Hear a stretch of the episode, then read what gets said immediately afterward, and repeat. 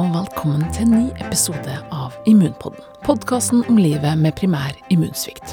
En podkast for deg som har en diagnose, for dere som står rundt, eller bare er nysgjerrig på å lære mer om medfødt immunsvikt.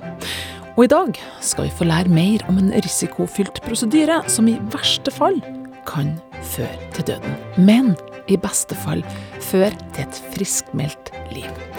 Nemlig beinmargstransplantasjon. Det er ikke noe alternativ å ikke gjøre det heller. For at vi risikerer å ha Da har vi den så mye lenger enn det vi kommer til å ha nå. For Rikke og hennes sønn var det nemlig ikke noe alternativ å takke nei til denne behandlinga. Her er vi jo på lekeplass for første gang. Det var jo i sommer.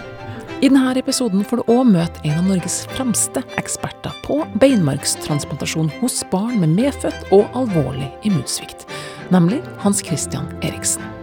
Jeg, jeg er veldig imponert over foreldrene eh, som, som, står i det her. Eh, og eh, en har da fått vite i detalj alt som kan gå galt. Og så pleier vi å si, og, og de foreldrene også sier det, at nå ser vi egentlig på andre enden muligheten til å få et friskt barn. Som kan greie seg helt uten medisiner og kan ha helt eh, for, ja, normal forventa levetid. For at det er en påkjenning både fysisk og psykisk, er det ingen tvil om. Men at belønninga kan være det vi alle ønsker oss et friskt barn. Du hører på Immunpodden, og mitt navn er Kristin Mork.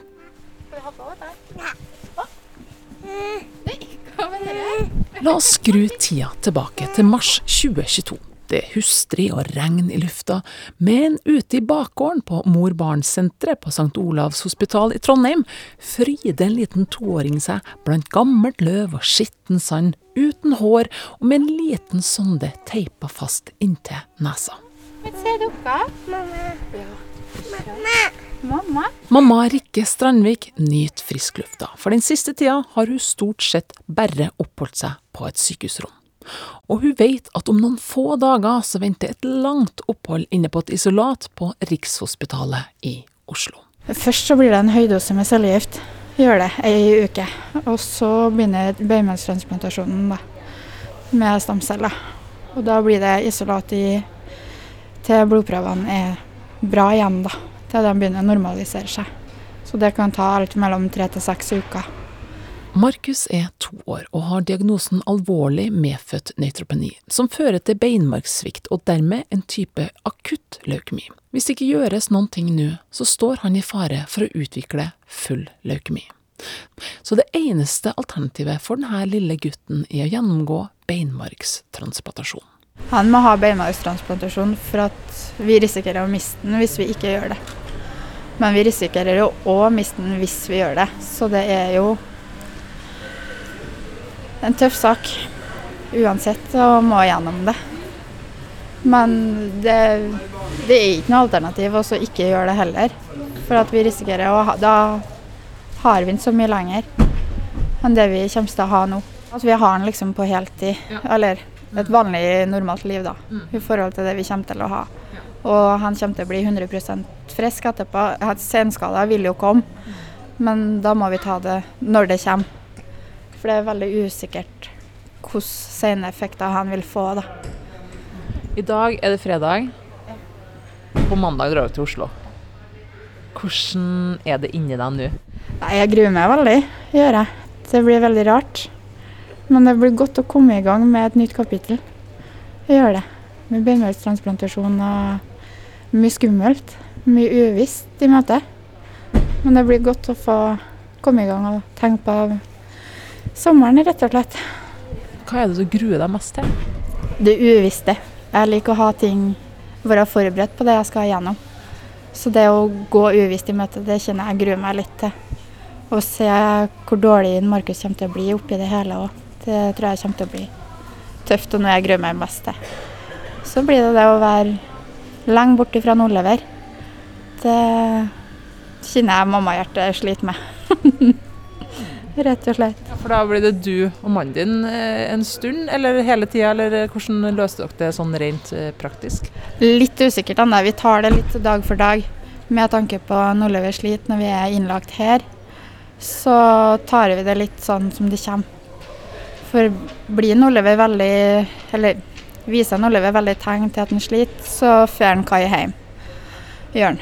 Og det, om det blir ei uke eller 14 dager, eller om man får til å være der hele tida, det får vi ta som det kommer. Det sitter en liten sjarmør her. Han er ganske godt slag nå, da virker det som. Ja, han er i storform igjen. Det er helt utrolig å se at han er egentlig kjempedårlig.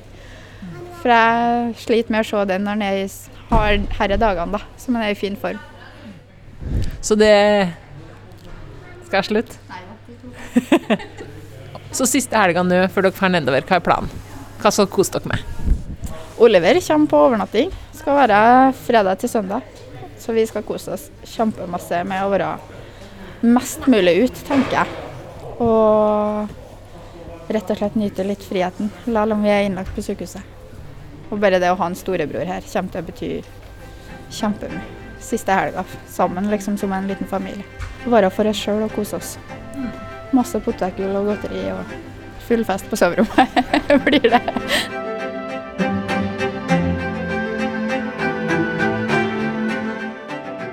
Uka etter dro den lille familien ned til Rikshospitalet, som er det eneste sykehuset i Norge som gjennomfører det her på barn.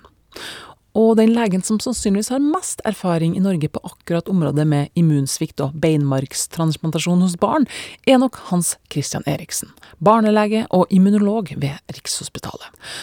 Og han har sagt seg villig til å forklare meg og deg som hører på, hele prosessen som barn og foreldre må igjennom helt fra når beslutninga om transplantasjon skal tas. Når vi vurderer behandling, eh, så sitter vi nok bestandig og tenker på hva er til beste for barnet, og kanskje familien, sekundært.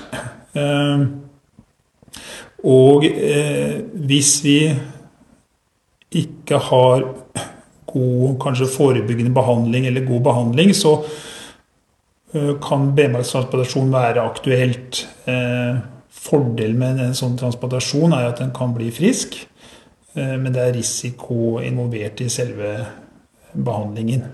Det er noen tilstander som vi på en måte vet at det er riktig å transplantere. Og, og, og da på en måte starter vi egentlig med en gang vi får diagnose. Sånn at der er det ikke vanskelig egentlig i forhold til om vi skal transplantere eller ikke. Men det er noen tilstander som alvorlig medfødt neutropeni, der en på en måte Det bruker vi ganske mye tid på, akkurat de avveiningene sammen med familiene. Ja, for det er nærmest som et regnestykke når det skal vurderes og avveies. Så alle de her immunsvikttilstandene er jo sjeldne sykdommer. Men på de mer vanlige av de sjeldne sykdommer så, har en ganske store undersøkelser, internasjonale undersøkelser der, en på en måte vet hvordan det går med, med de barna og ungdommene og voksne som har det. En av de sykdommene her heter kronisk granulatøs sykdom, CGD, som også er en, en feil med de neutrofile. De virker ikke som de skal.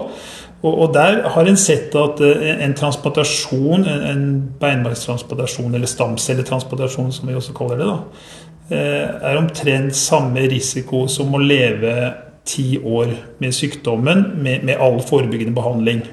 Forskjellen er at du får den risikoen på tre måneder. Det snakker vi litt om vi, med, med, foreldrene. At uh, klart vi konsentrerer risikoen, men uh, en kan bli helt frisk. Og det er veldig vanskelig både for, for foreldrene så er det vanskelig avgjørelse eller å sette seg inn i og, og på en måte ta den avgjørelsen, og, og, også for oss som jobber med det. Helt generelt så er det sånn, det pleier jeg å si til foreldrene, at vi tar den avgjørelsen om en skal transplantere eller ikke. Det skal ligge på oss, men vi gjør det selvfølgelig i samråd med foreldrene. Det er viktig. Så at vi transplanterer aldri noen uten at en måte at det er en enighet om at det er den beste løsningen for akkurat barnet til de foreldrene. Og for at vi skal forstå hva alternativet til transplantasjon er, forklarer Eriksen risikoen på denne måten. Nå kommer jeg tilbake til den kronisk granatøse sykdommen som der de neutrofile granulocytene ikke virker. Med all støttebehandling vi kan gi og all moderne medisin, så er forventa levetid eh, ca. 40 år. Og de 40 åra er kompliserte. Sånn at ved en transplantasjon så, som går bra, så kan en komme frisk ut og få en normalt forventa levetid. Det her har vært veldig hjelpsomt for oss, i hvert fall i forhold til den sykdommen. fordi at eh, da har vi litt konkrete tall. Og så, og så kan vi jo da eh, også diskutere det her med, med, med foreldrene. Eh, akkurat den tilstanden, sånn kronisk lamatøs sykdom, så har vi transplantert alle som vi kan transplantere i Norge. Og det har gått veldig bra. Det samme med som vi snakka om de alvorlige neutropeniene. Der er det også kanskje forventa levetid med støttebehandling på, på, noen av de spesifikke genfeilene, kanskje 25 år. Mm, sånn at eh, igjen, eh, der har vi transplantert mange av de, og, og de er nå friske. Men jeg er nysgjerrig. Hvorfor må denne stamcelletransplantasjonen ofte gjøres i såpass ung alder? Barna tålt det bedre. Eh, generelt så, så eh, kommer de seg fortere og, og blir mindre påvirka av medisiner vi gir. Eh, og så er det også sånn at de som har levd lenge med en immunsvikt, de, de får kanskje skader eh, på særlig lungene sine. At de har mye lungebetennelser, og så blir det etter hvert arrdannelse. Og de kan også ha eh, skader i, i mage-tarmsystemet eller pågående betennelse. Og da blir transplantasjon vanskeligere å eh, gjøre på en god måte. Det går vanligvis best når en transplanterer hos barn og ungdom.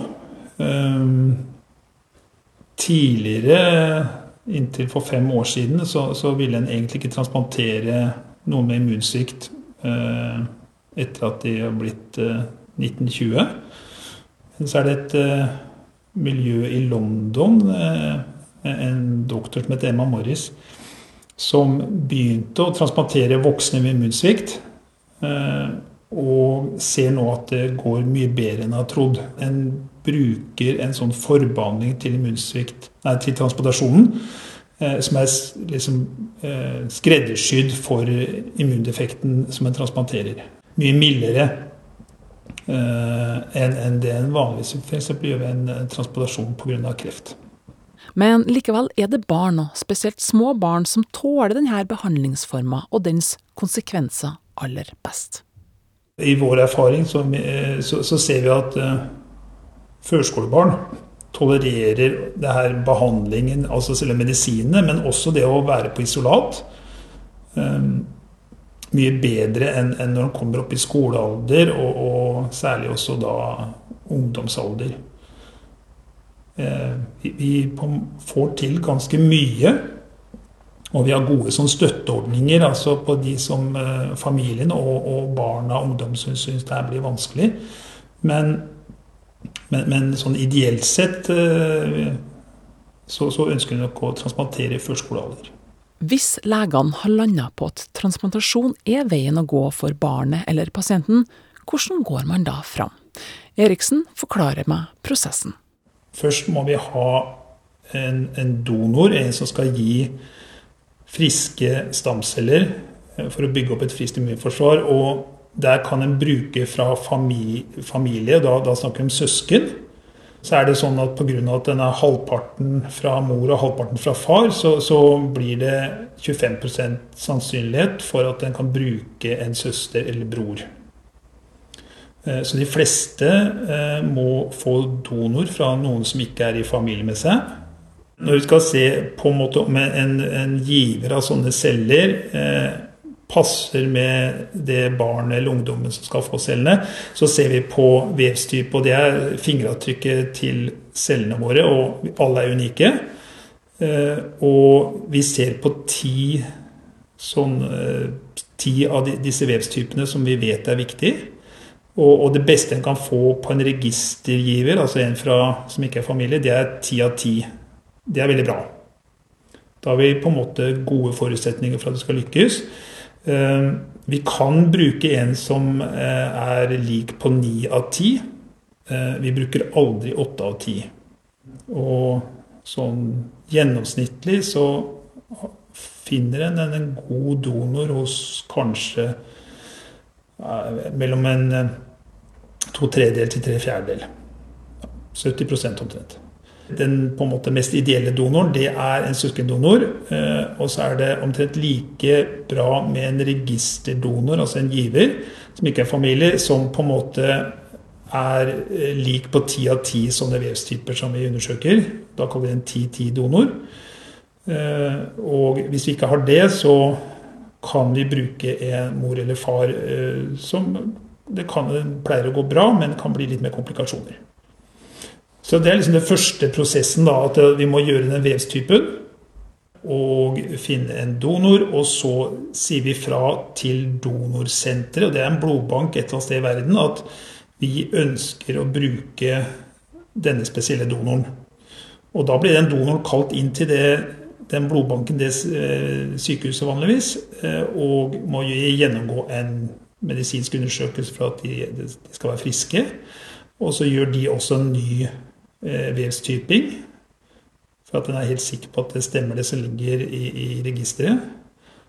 Og så blir det avtale om eh, en, at den giveren skal, skal gi da stamceller eller bærmarksceller, som det oftest er da hele prosessen her fra vi starter med vevstyping av barnet, det, det raskeste en kan få til, det er 6-8 uker.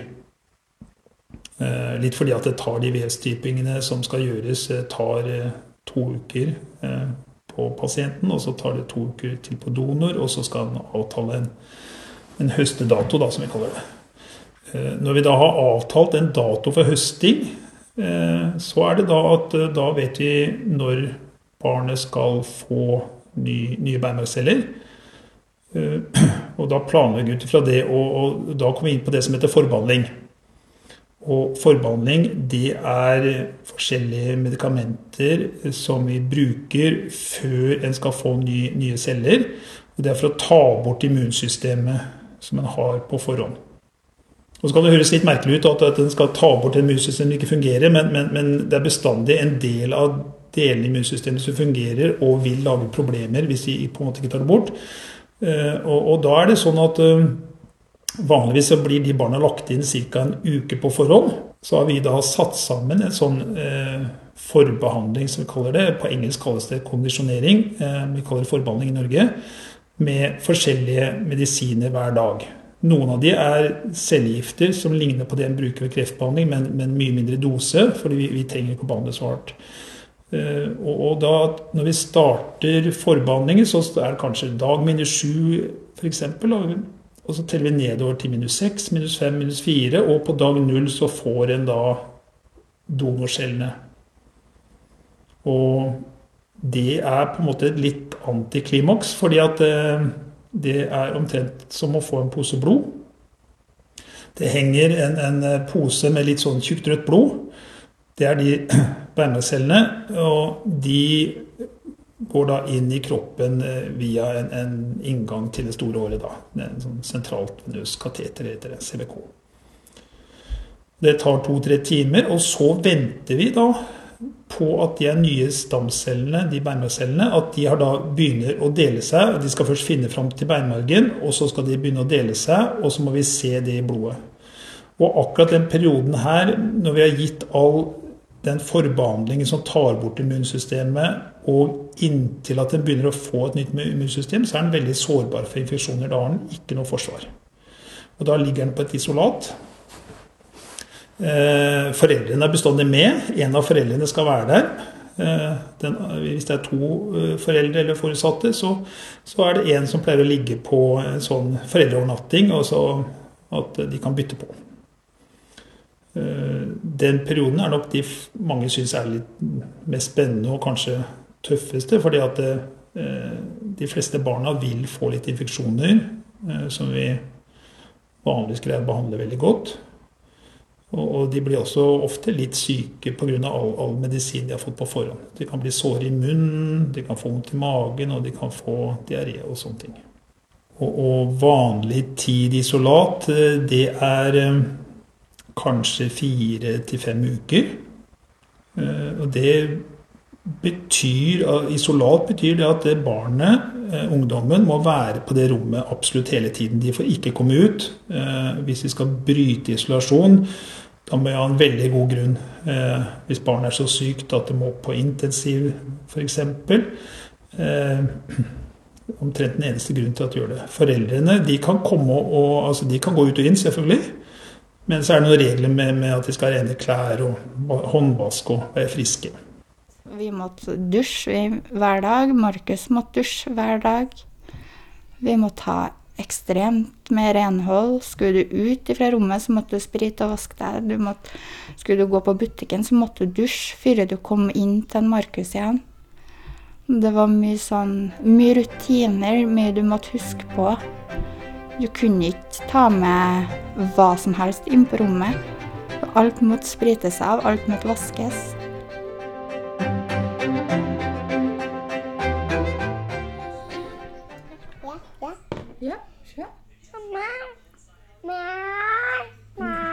Det er blitt vinter og 2023, og en iskald februardag kjører jeg for å besøke Rikke og Markus.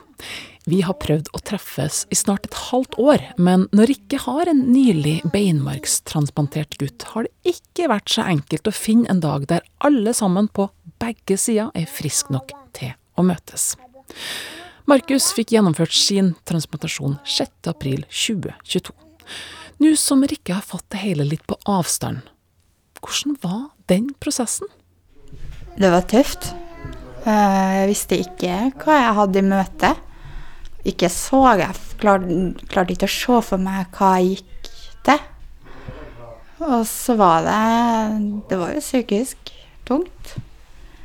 Men de var veldig gode liksom, nede i Oslo til å snakke, og hadde jo fantastiske sykepleiere som var der og hjalp til. og de var stort sett inne på rommet sammen med meg hele tida.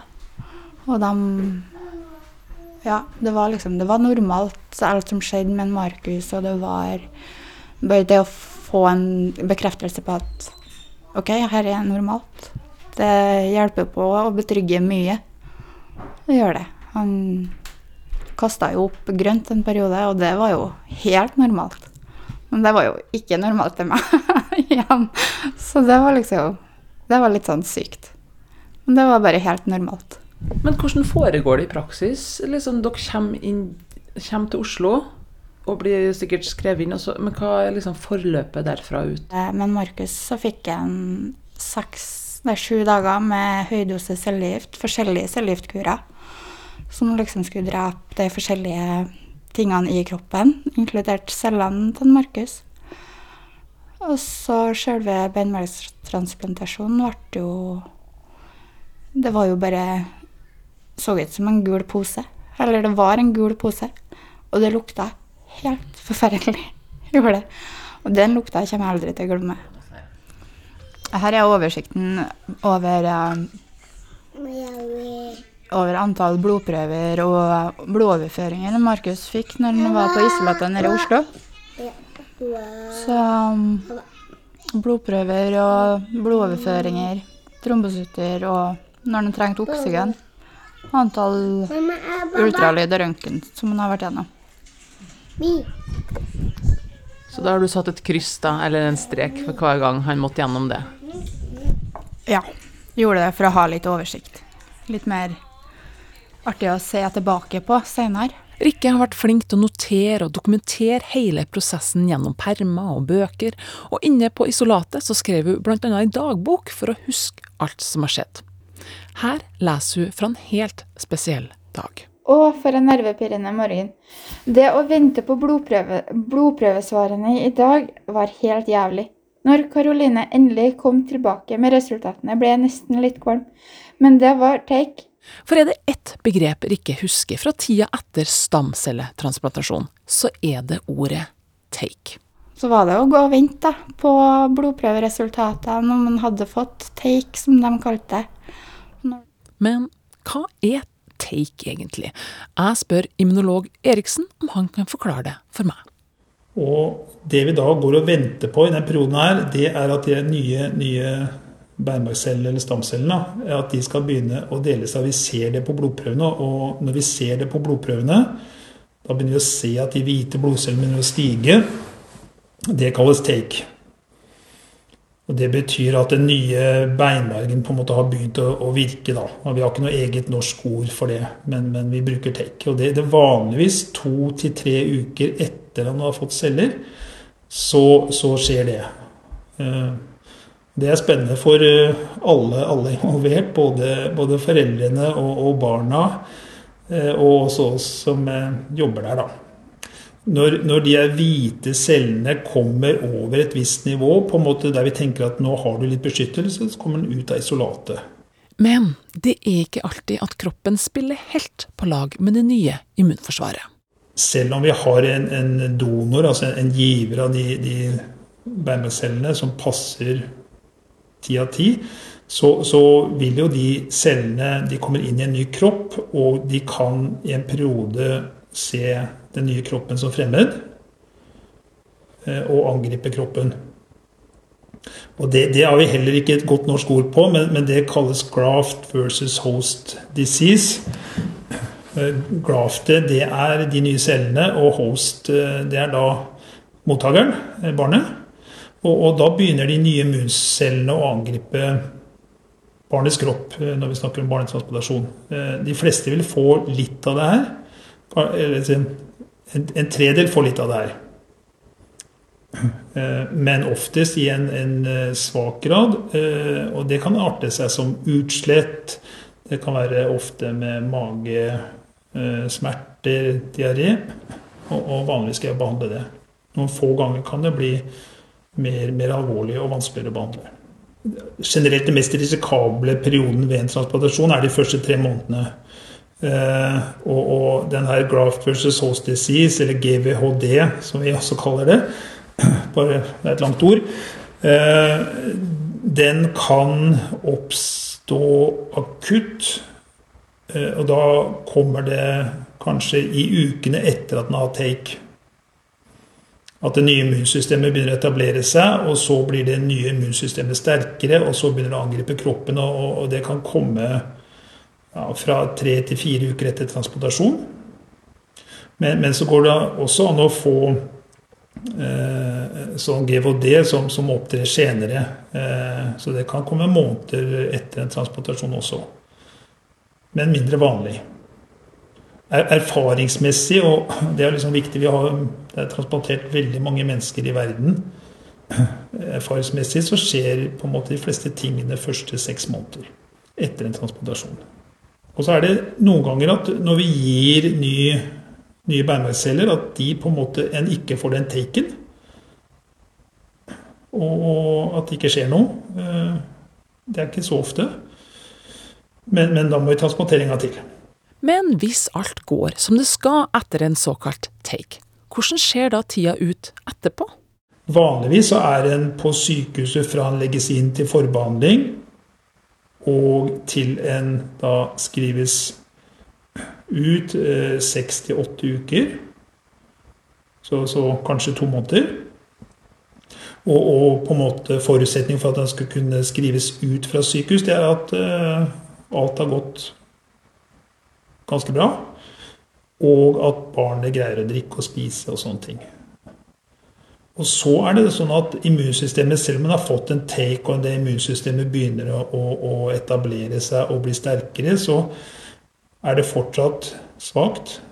Eh, sånn at det, seks måneder fra transplantasjon så, så er en i hjemmeisolasjon. Sånn at hvis en skrives ut fra sykehuset ca. to måneder etter transportasjonen, så, så er en hjemmeisolasjon i fire måneder. Og, og, i den perioden så er det hyppige kontroller på sykehus eh, flere ganger per uke, og en er ganske nøye med hvem en kan på besøk hjem. Eh, og, og, så er det en del regler på en måte med sånn håndvask og hva en gjør hvis noen blir syke i familien og sånne ting. Etter seks måneder, hvis alt har gått som det bra som det pleier å gjøre, så kan det begynne i barnehage eller på skole igjen.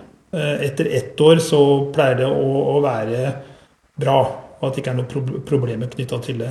Eh, I perioden liksom fra si at du begynner på barnehage eller skole, eh, seks måneder til ett år etter transportasjon, så, så er vi ganske forsiktige. Da er det sånn at en må på sykehuset som må feber og vurderes av doktor og ta blodprøver og sånt. Eh, mellom ett og to år så pleier det å gå veldig bra, og etter to år så er det stort sett som friske barn. da. Sjøl om forbehandlinga har blitt mildere og mer målretta enn den har vært før, så er det alltid en risiko for seinskader etter en sånn tøff behandling. Når en brukte den veldig harde forbehandlingen som en gjorde inntil for ti år siden, så, så har en sett en del bivirkninger. De fleste får ikke bivirkninger, men en har sett at det kan påvirke f.eks. nyrene, hvordan de fungerer. Det kan påvirke eh, hjerte og lunger.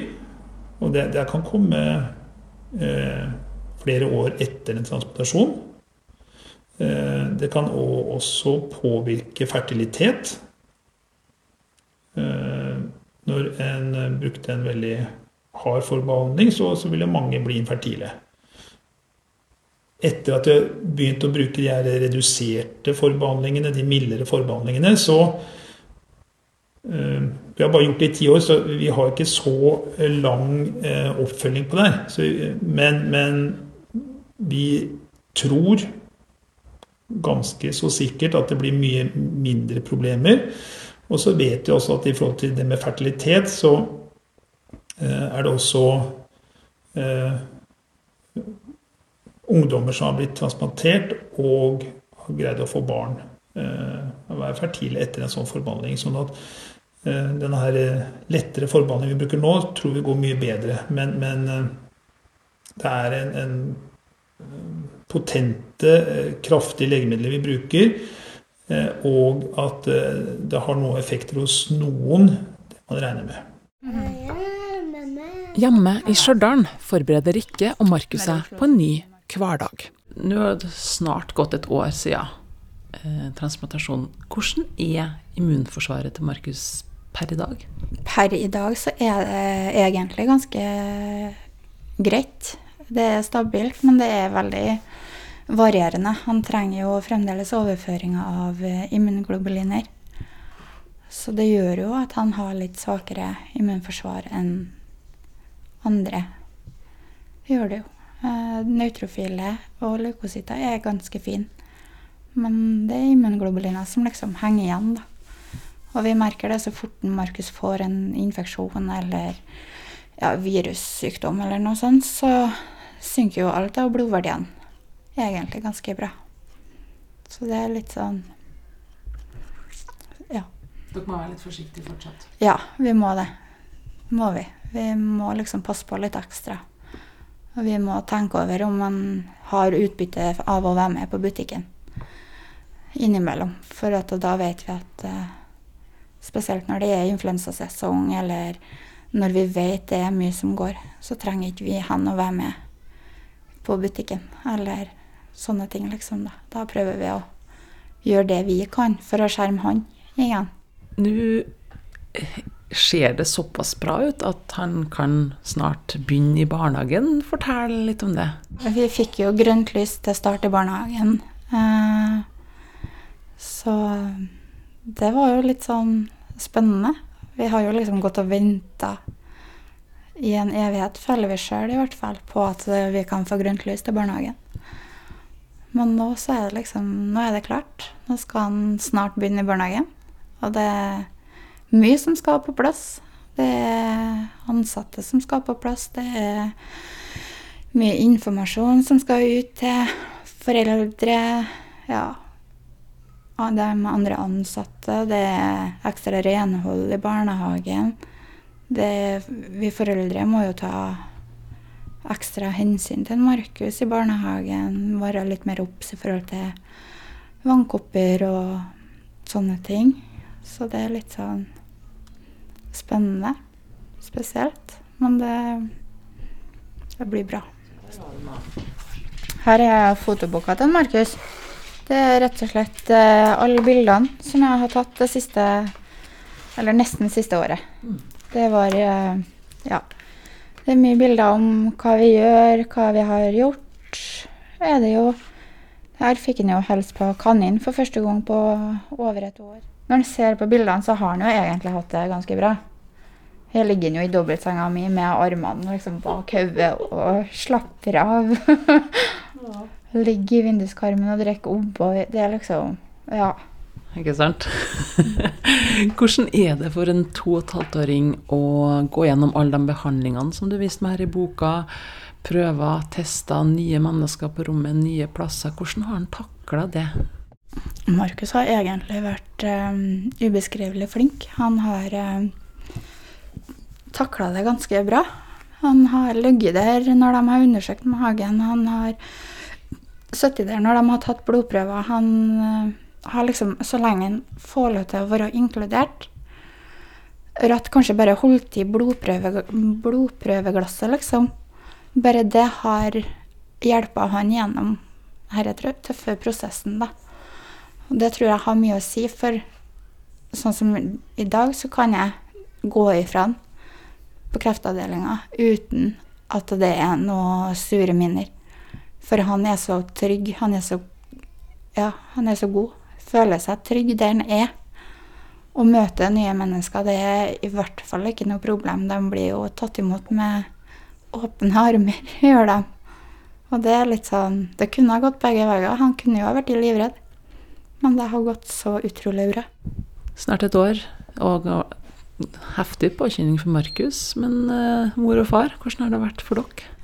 Det har vært uh, mye oppturer og nedturer. Det har vært tøft.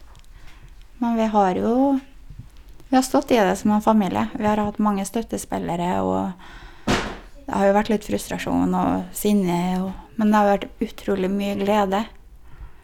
Og det har jo hjulpet veldig med både Oliver og Markus. Å sette humøret deres i lag. Og de to i lag, det har vært Det tror jeg er det som har redda oss mest, egentlig. Så hvis det er noen foreldre som hører på denne episoden, og som kanskje skal i gang med denne prosessen, hva er dine beste råd til dem? Spør mest mulig. Eh, gjerne spør dem på Rikshospitalet, for det er jo dem som holder på mest med det. Eh, bruk dem for det det er verdt. Ring til dem hvis det er et lite spørsmål du tenker på. Eh, ja, det Finn andre som har vært gjennom samme prosessen, og snakk med dem. Jeg har snakka mye med to andre som har vært gjennom prosessen tidligere. Det er en nye som har tatt kontakt med meg, som nettopp var gjennom det i sommer. Og bare det å kunne fortelle min historie til hun hjalp henne å komme gjennom og takle hverdagen. Så det ble mye enklere. Hun sendte jo meldinger når jeg var på isolatet og bare Hva gjør jeg nå? Men det var så Jeg svarte nå det jeg følte, og da Hun ble veldig betrygga og liksom OK, dette var faktisk normalt. Det var som forventa. Så hun har jeg jo kontakt med ennå, og det går jo bra med dem òg. Hva er det du drømmer om og håper om nå? Jeg gleder meg veldig til han kan begynne i barnehagen at ting blir eh, normalt. At vi kan ta tilbake hverdagen, rett og slett. At eh, ja, Kai kan tilbake i jobb, og jeg kan tilbake i normalstillinga mi. Og at vi kan dra på en ferietur uten å tenke på at vi trenger å være redd for noe smitte. Det kjenner jeg at jeg gleder meg til. Bare ta han med på pirbadet. Han har aldri vært på pirbadet. Bare det kjenner jeg liksom at jeg gleder meg til.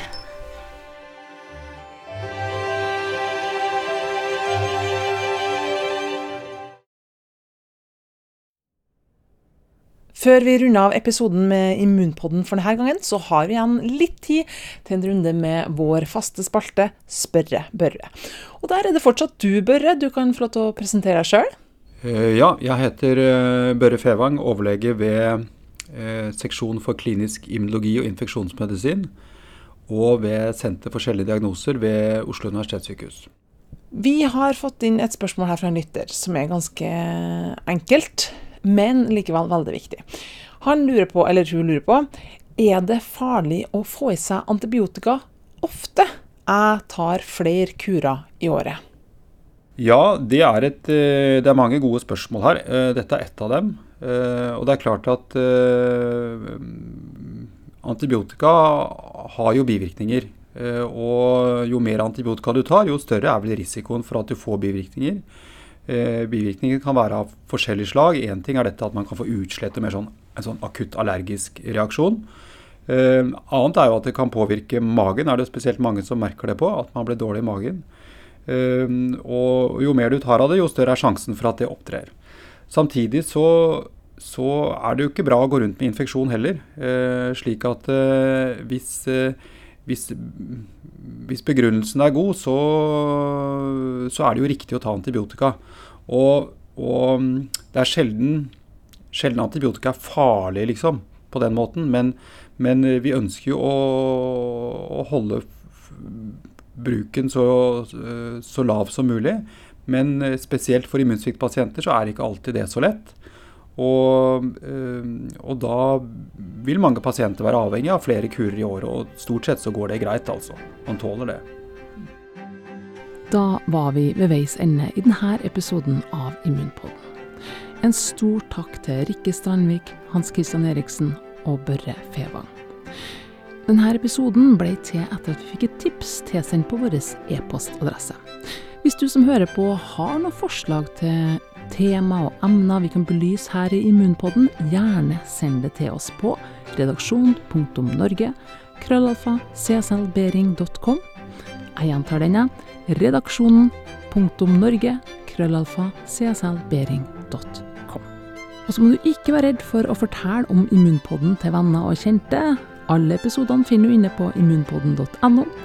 Jeg takker for følget her i Immunpodden. Mitt navn er Kristin Mork, og til slutt vil jeg gjerne takke CSL Behring, som gjør denne podkasten mulig.